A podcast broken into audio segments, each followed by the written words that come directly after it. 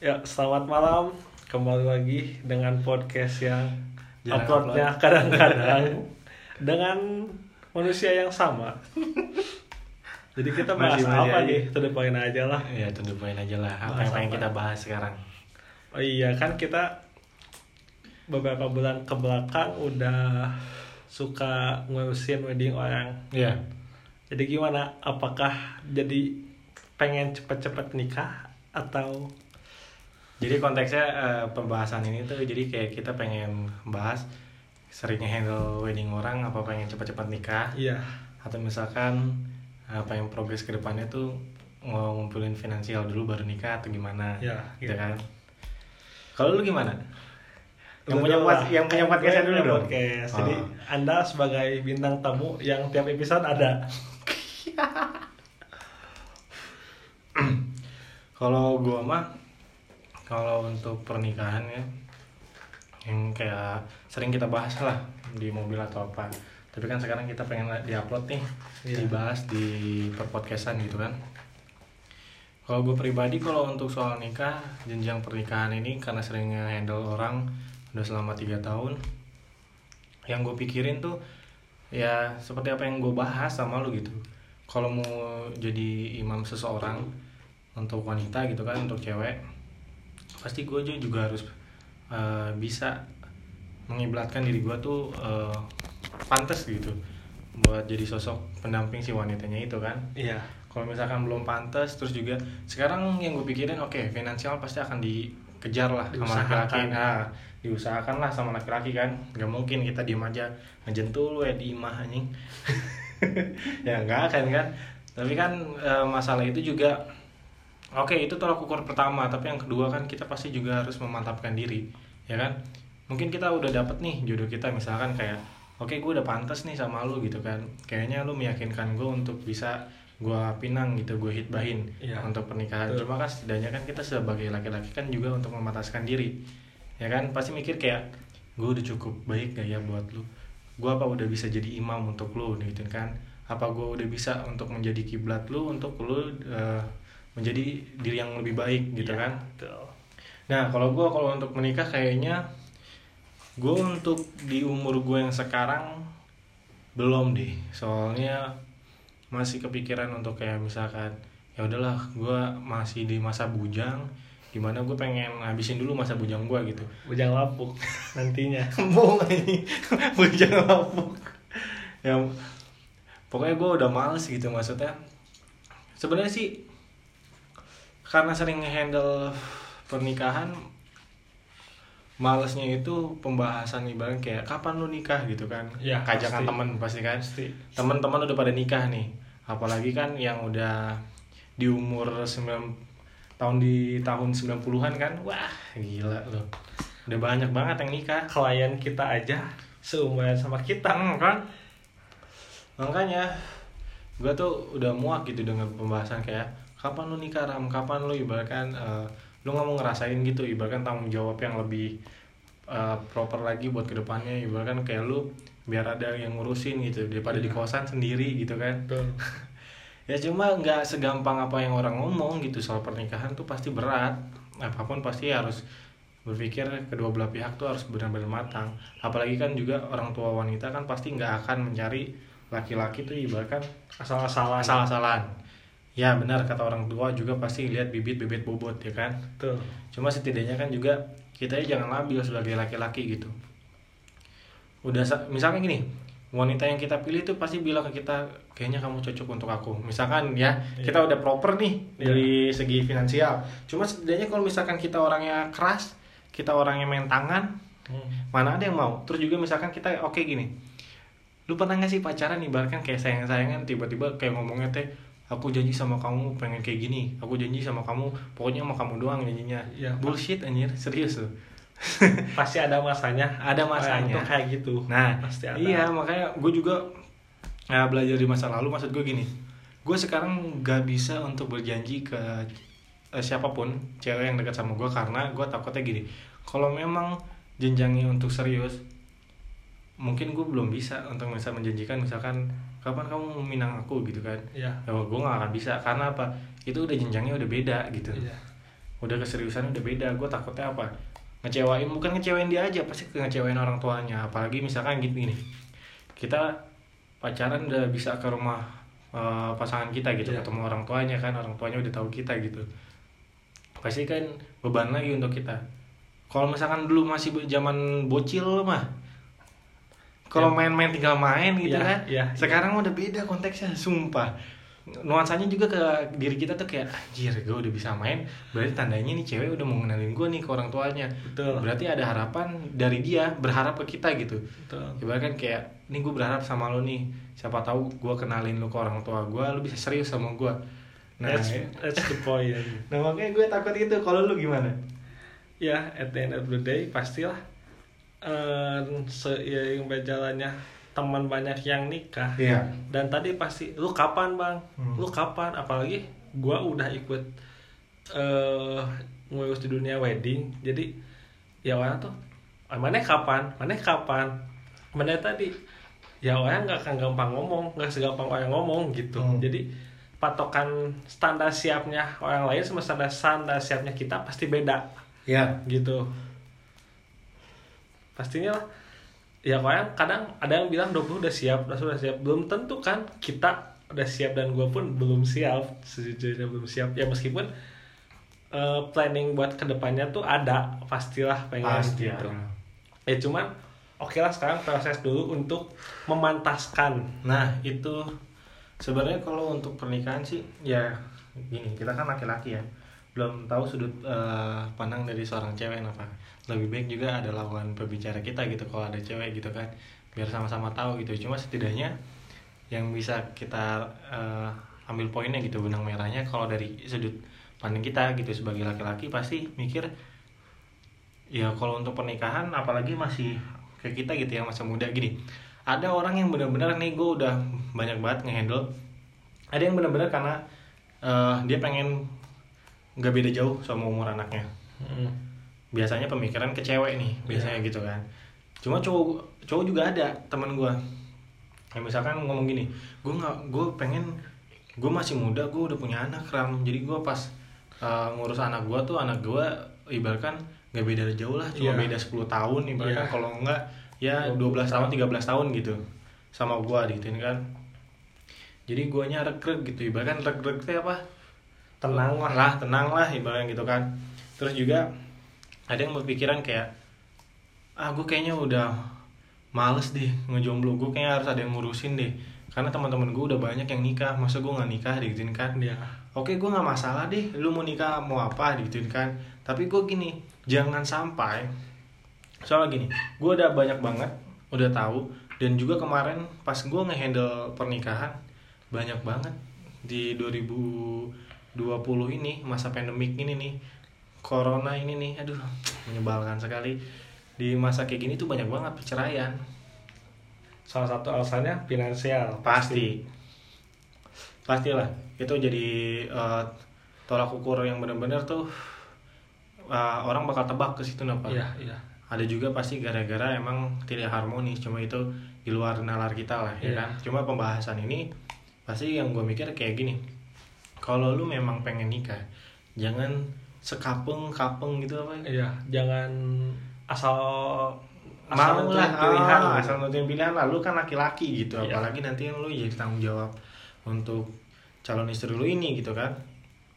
Ya jangan asal misalkan kayak temen gue nikah masa gue nggak nikah? Nah, gituin kan. karena nikah itu bukan kompetisi. Nah nikah itu bukan ajang bukan untuk siapa pabalap siapa yang duluan siapa yang terakhir. Hmm. lu telat nikah bukan berarti lu gak sukses. Nah, itu.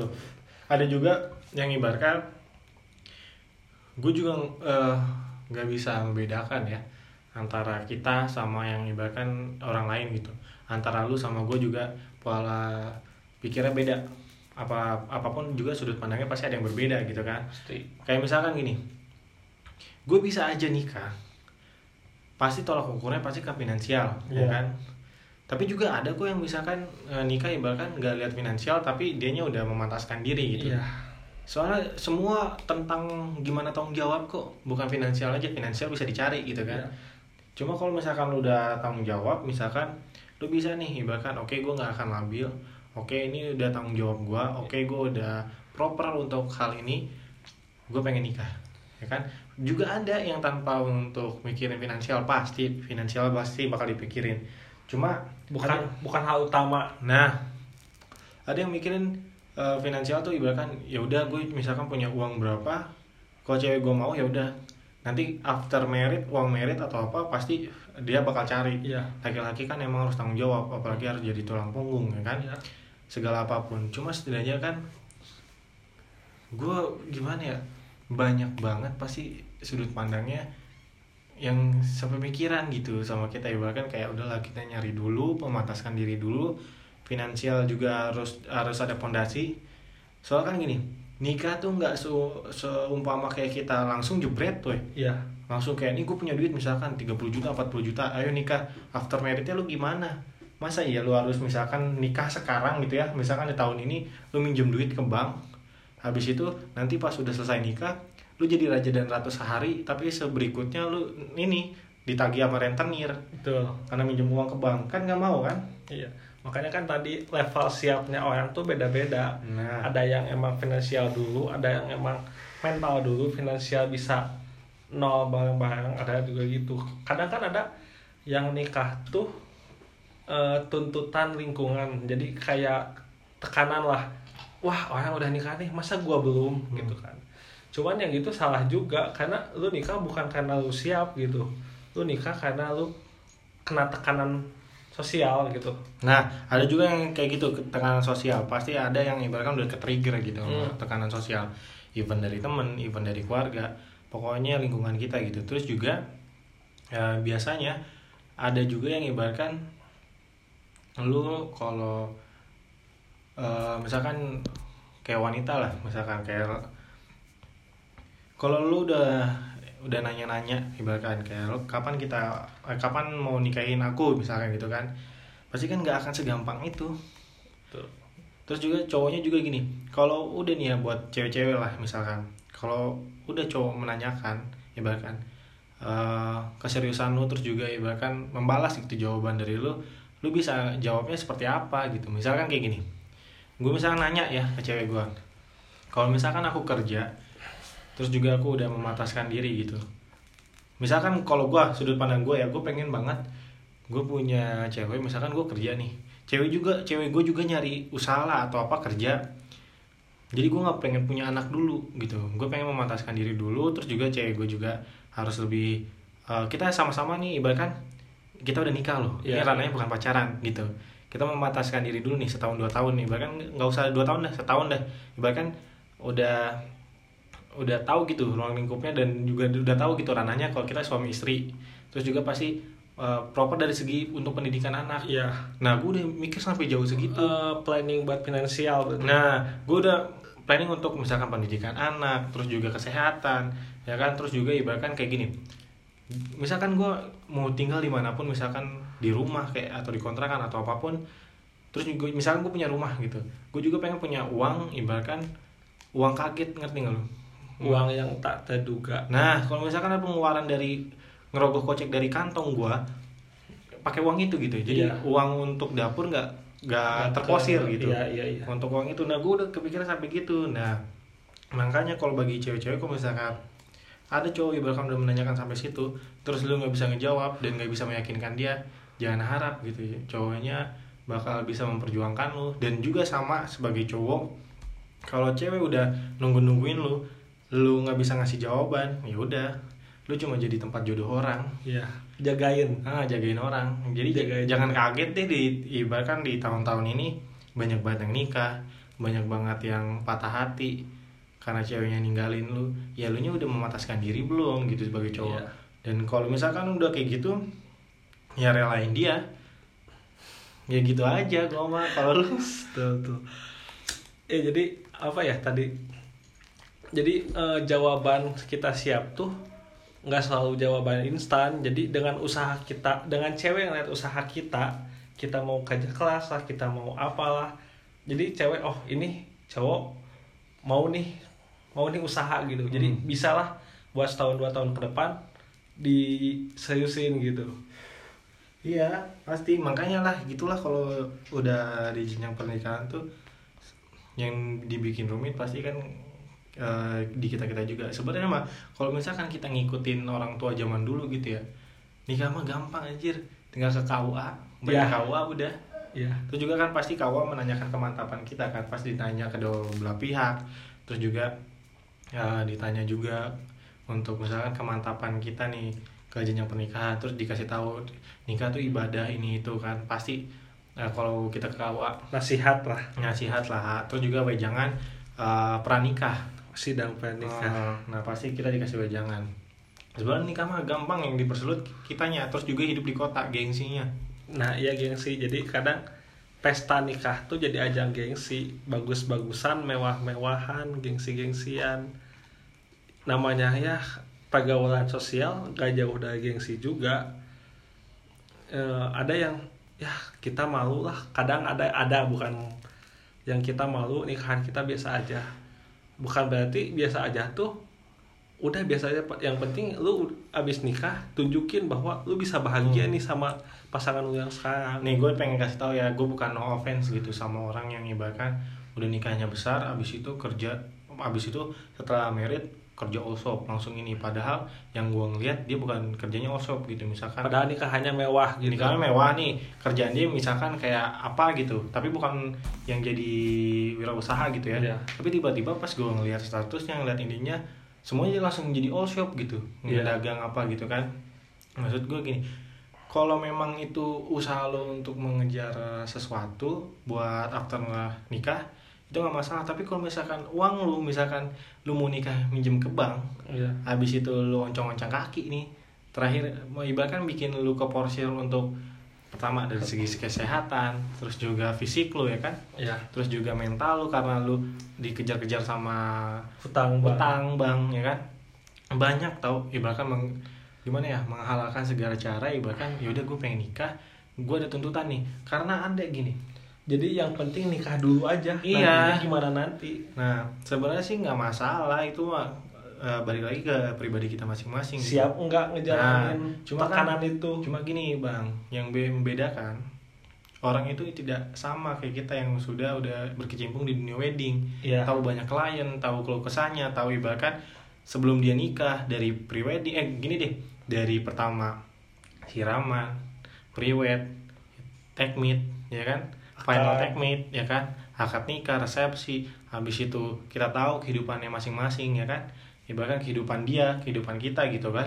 Karena kita saling follow-followan terus juga ada di WhatsApp ya kan? Nah karena kayak gitu gue belajar semua gitu. Dari proses orang lain gitu kan? Oh ternyata gini ya pernikahan tuh. Ternyata nggak hanya misalkan kayak udah nikah ya gue tahu akan bahagia kok nggak emang perceraian gitu kan. Cuma setidaknya gue ngeliat juga struggle-nya seseorang untuk uh, menafkahi sebuah keluarga gitu sebuah keluarga kecil. Ibaratkan yang gue jadi tolak ukur tuh si cowoknya gitu. Nih lu udah nikahin nih lu mau ngapain? gitu kan. Iya. ibaratkan kayak uh, seterusnya lu mau ngapain nih? Gitu kan. Ada yang misalkan gini ada loh cowok misalkan kerja di bank atau apa finansialnya udah cukup.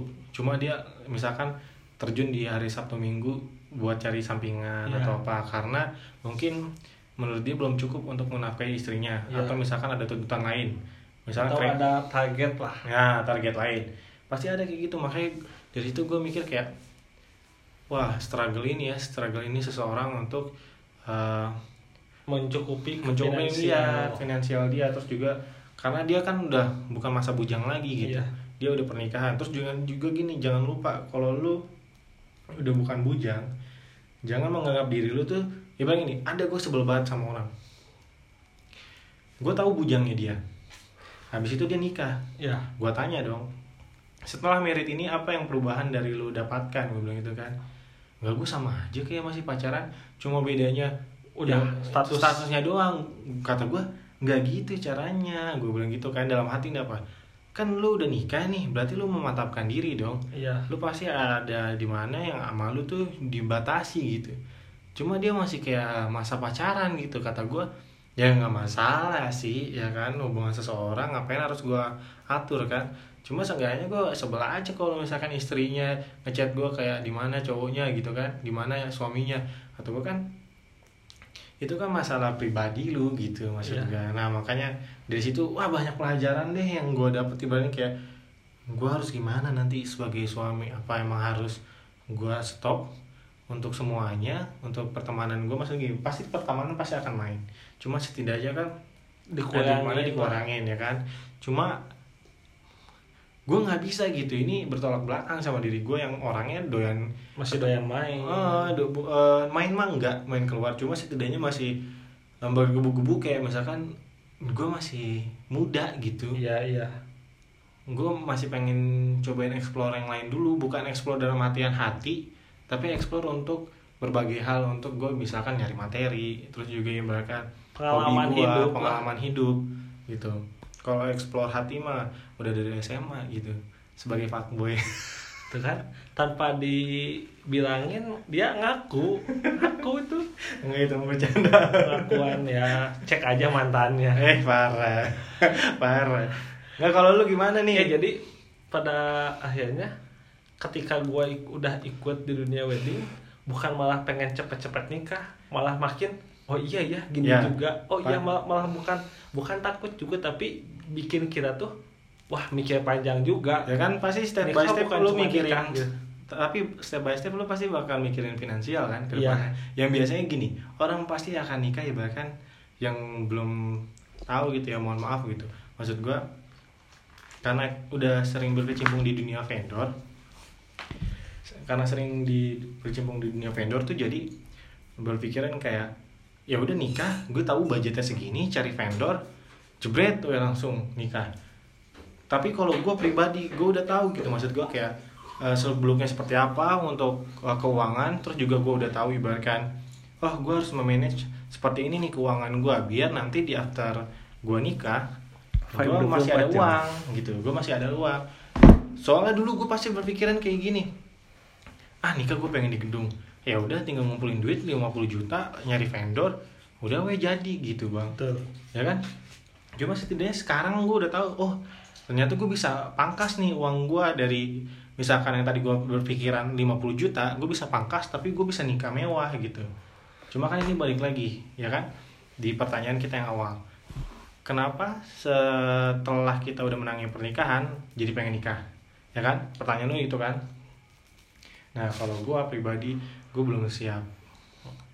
Ya makanya tadi gua juga bukan malah makin pengen malah makin mikir panjang gitu. Iya. Karena nikah bukan cuma satu hari doang gitu. Hmm, untuk selamanya lah. Pasti bareng sama apa eh, yang kita mau gitu. Bukan pas pesta doang gitu. Bener. Ya jadi iya sih. Ketika gua udah lihat orang bukan malah pengen tapi wah nanti gua kalau nikah gimana? Gitu. ini gua sama Bambang bukan untuk menakut-nakuti kalian ya ibaratkan jangan nikah dulu atau apa. Itu ini choice. based ini based on story kita masing-masing. Hmm. gitu. Jadi tapi kan banyak- pola pikir kita kan karena gini bang. Kita seba- se- kita kan sebagai laki-laki gitu. Iya. pasti ada laki-laki di luar sana juga pengen nikah langsung gitu Iya. kan. Cuma setidaknya ya bener based on story kita sendiri gitu kan. Iya. karena kalau gua gua pribadi gua pengen nyari finansial dulu. Bukannya takut misalkan kan finansial bisa dicari ram Iya. kan finansial bisa nanti lu bisa babarengan sama ada cewek yang lu alasannya tuh rezeki udah diatur sama Nah. Allah itu emang bener banget cuman ya lu juga harus usaha gitu Bener.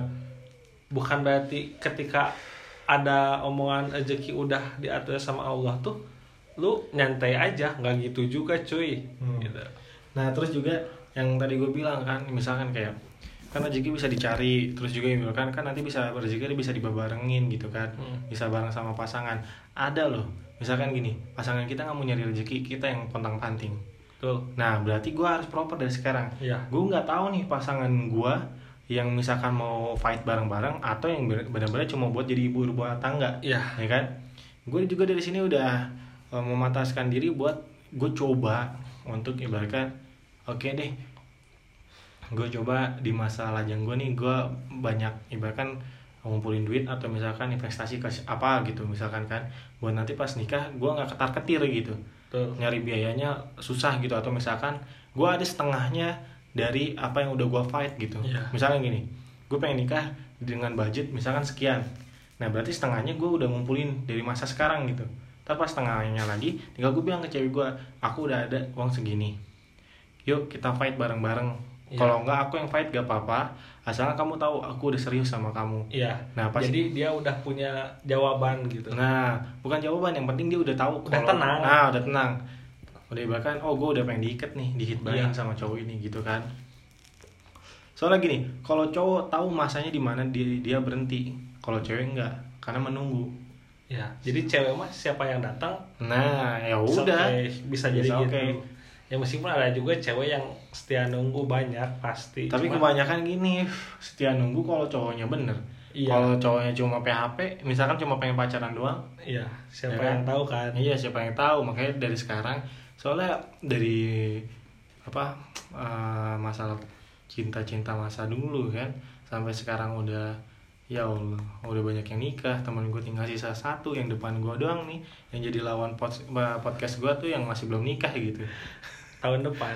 eh amin gue Amin. aminin aminin bisa ngelamar anak orang dulu ya Iya. berarti biar aman nah kayak gitu maksud gua kalau cowok tuh tahu di saat dia berhenti kalau cewek tuh pasti menunggu karena apa gue udah pernah bilang gitu sama pasangan gua bang gue bilang gini kamu nggak apa-apa cari berbagai macam Cowok. cowok nah gue pengen nanya sama lu sebenarnya gini ini salah nggak sudut pandang gua kayak gini maksud gua kayak gini gue nyuruh cewek gue tuh nggak apa-apa nyari banyak cowok tapi gua akan stay sama lu gitu Iya. pasti orang mal- malah berpikir gini ya kalau cewek ya ini kayaknya nih cowok mainin gua dia atau Iya. dia fuckboy gitu kan Mhm. tapi menurut gua gini karena gue belum bisa menjanjikan dia gue pengen di hati gua tuh kayak gua stop enough gitu ya bahkan kayak nggak apa-apa nih cewek takutnya gini gue takutnya jadi jodoh ini jagain jodoh orang lain lagi gitu Iya, iya. Tapi kalau misalkan lu ngebebasin kayak gitu dan kalau ceweknya paham maksud yang maksudnya lu ngebebasin itu karena apa, Hmm. pasti cowok eh cowoknya. Masih ke cewek kan? Masih lah.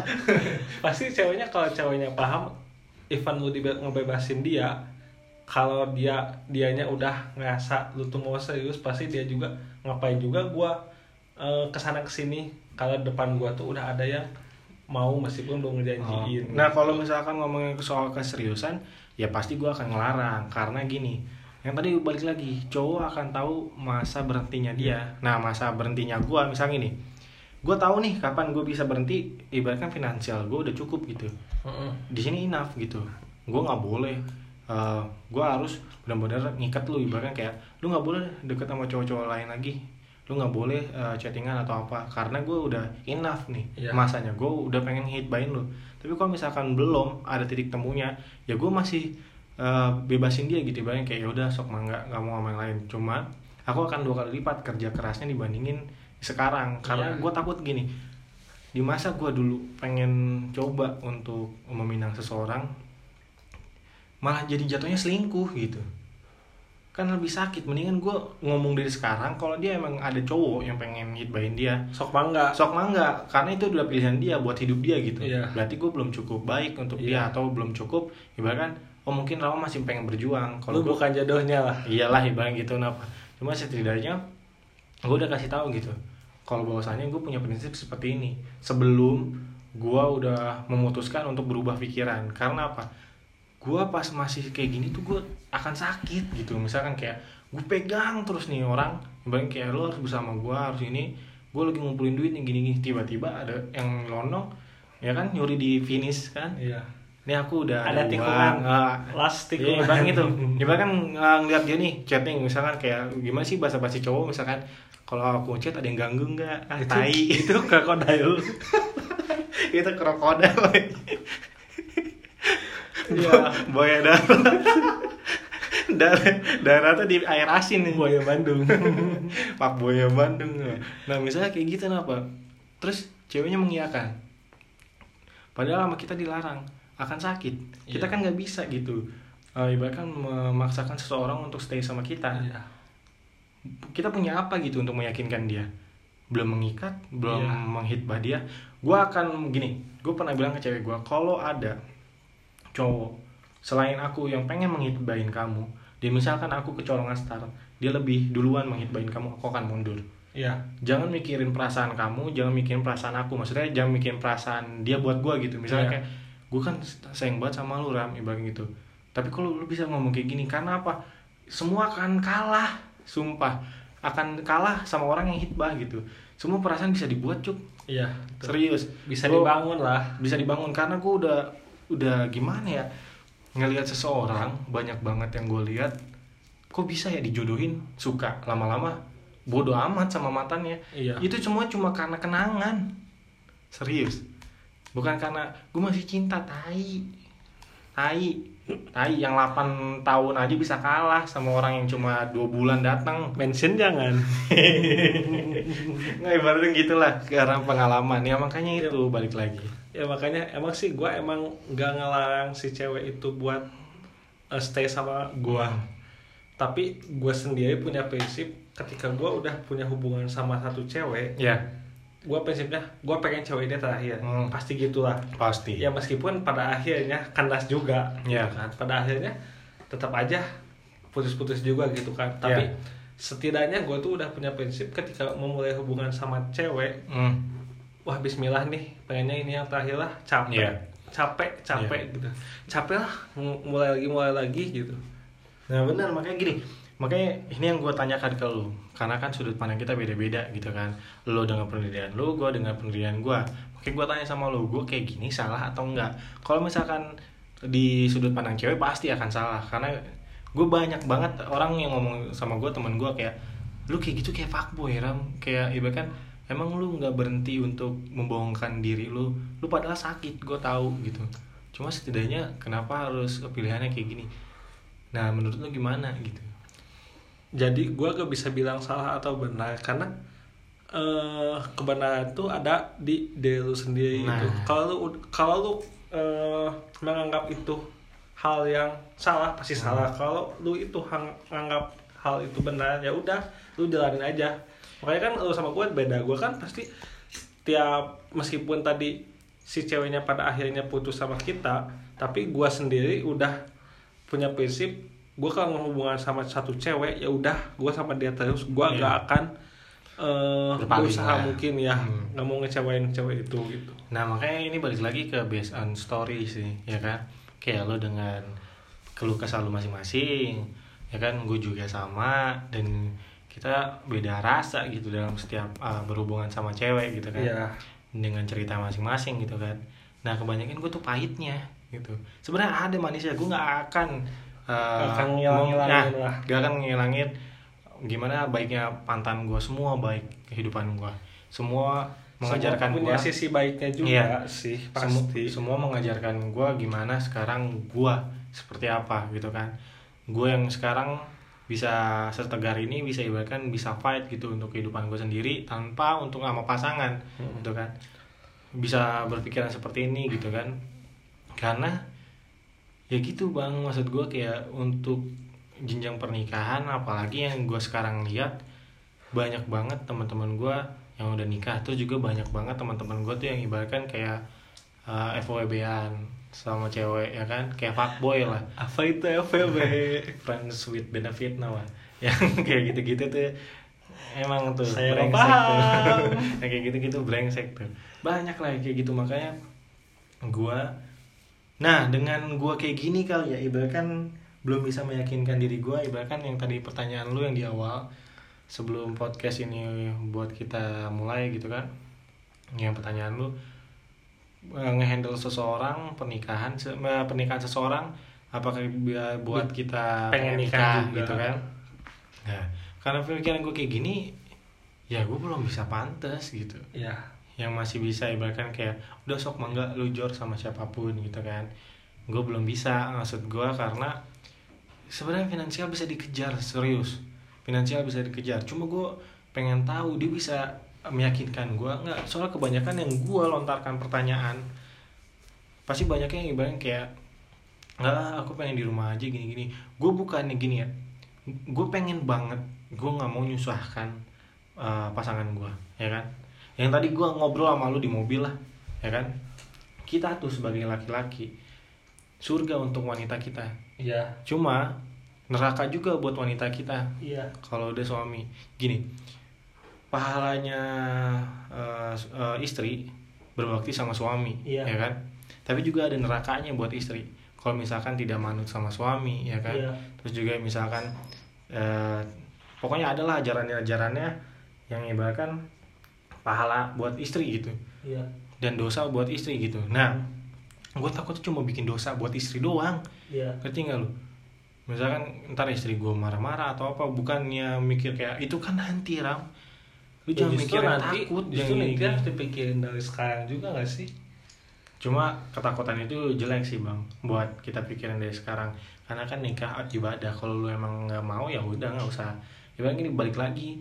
Eh, ibaratnya kayak buat apa kita bahas kalau kita ketakutan doang yang kita cecer gitu untuk di podcast ini ya kan?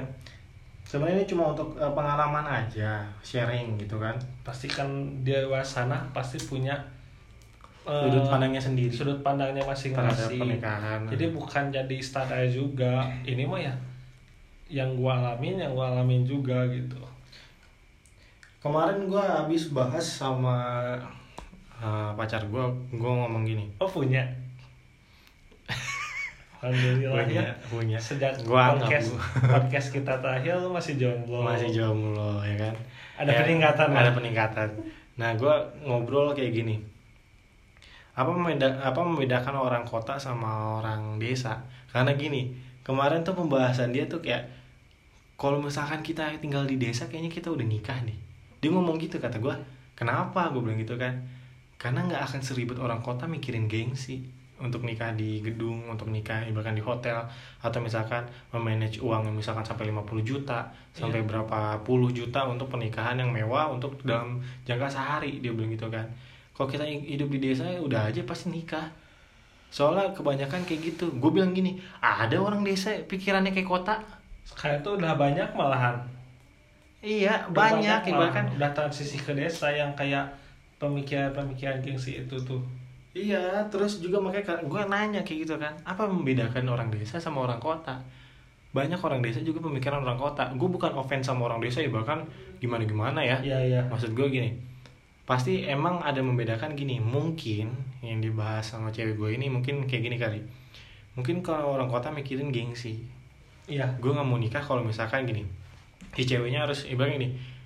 Kita pengen meminang si wanita ini nih, pasti kan kita deketin orang tuanya ya kan butuh uh, Mas. kawin berapa ini berapa ya kan ibaratkan ngebeli nih cewek apa Iya, dari orang iya. tuanya nebus iya kan nah mungkin yang cewek gue ngomong gitu kali soalnya pas kemarin pembahasan gue ke situ makanya gue langsung puyeng. Mikirin nikah kata gue aduh ya allah. Udah udah ditanya gini aja. Dulu gue masih main layangan plotokan gitu nih masih main gaksin. Lu tau gaksin gak sih? Gasin main yang dipegang tangannya jaga Eh, iya. kayak benteng, Iya, iya. galaksin kayak gitu.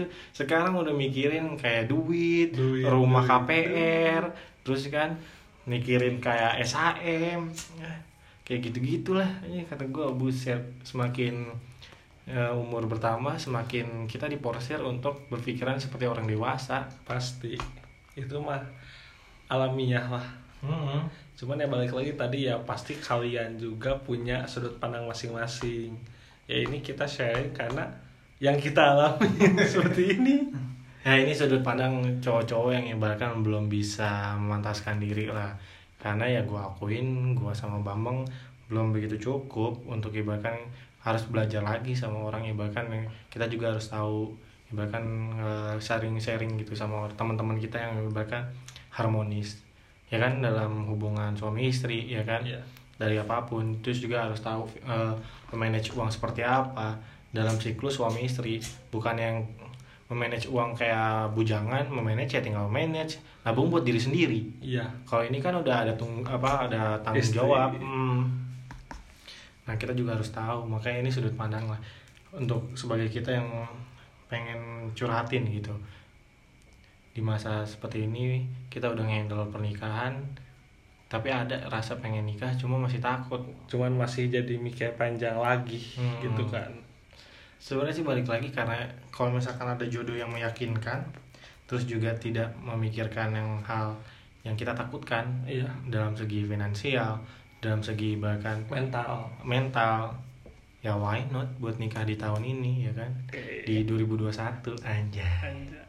lu jadi tahun depan Gimana? Gimana bu? ya semoga Nanti ya ya. semoga yang Bambang tuju bisa dengarkan podcast ini ya Bambang pengen melamar di tahun 2022 2021 Eh, dua 22, dua dua 22. kan setahun lagi Tahun lagi. nggak usah bisa. umur udah tua riset Jadi eh, sekarang informasi kalau mau nikah hubungi kita aja. Iya. Nanti insya Allah kita handle sebagai mungkin. sebagai WO eh, wedding organizer mungkin segitu aja sih kalau Segitu eh, aja sih ya. buat ini sudut pandang tentang pernikahan.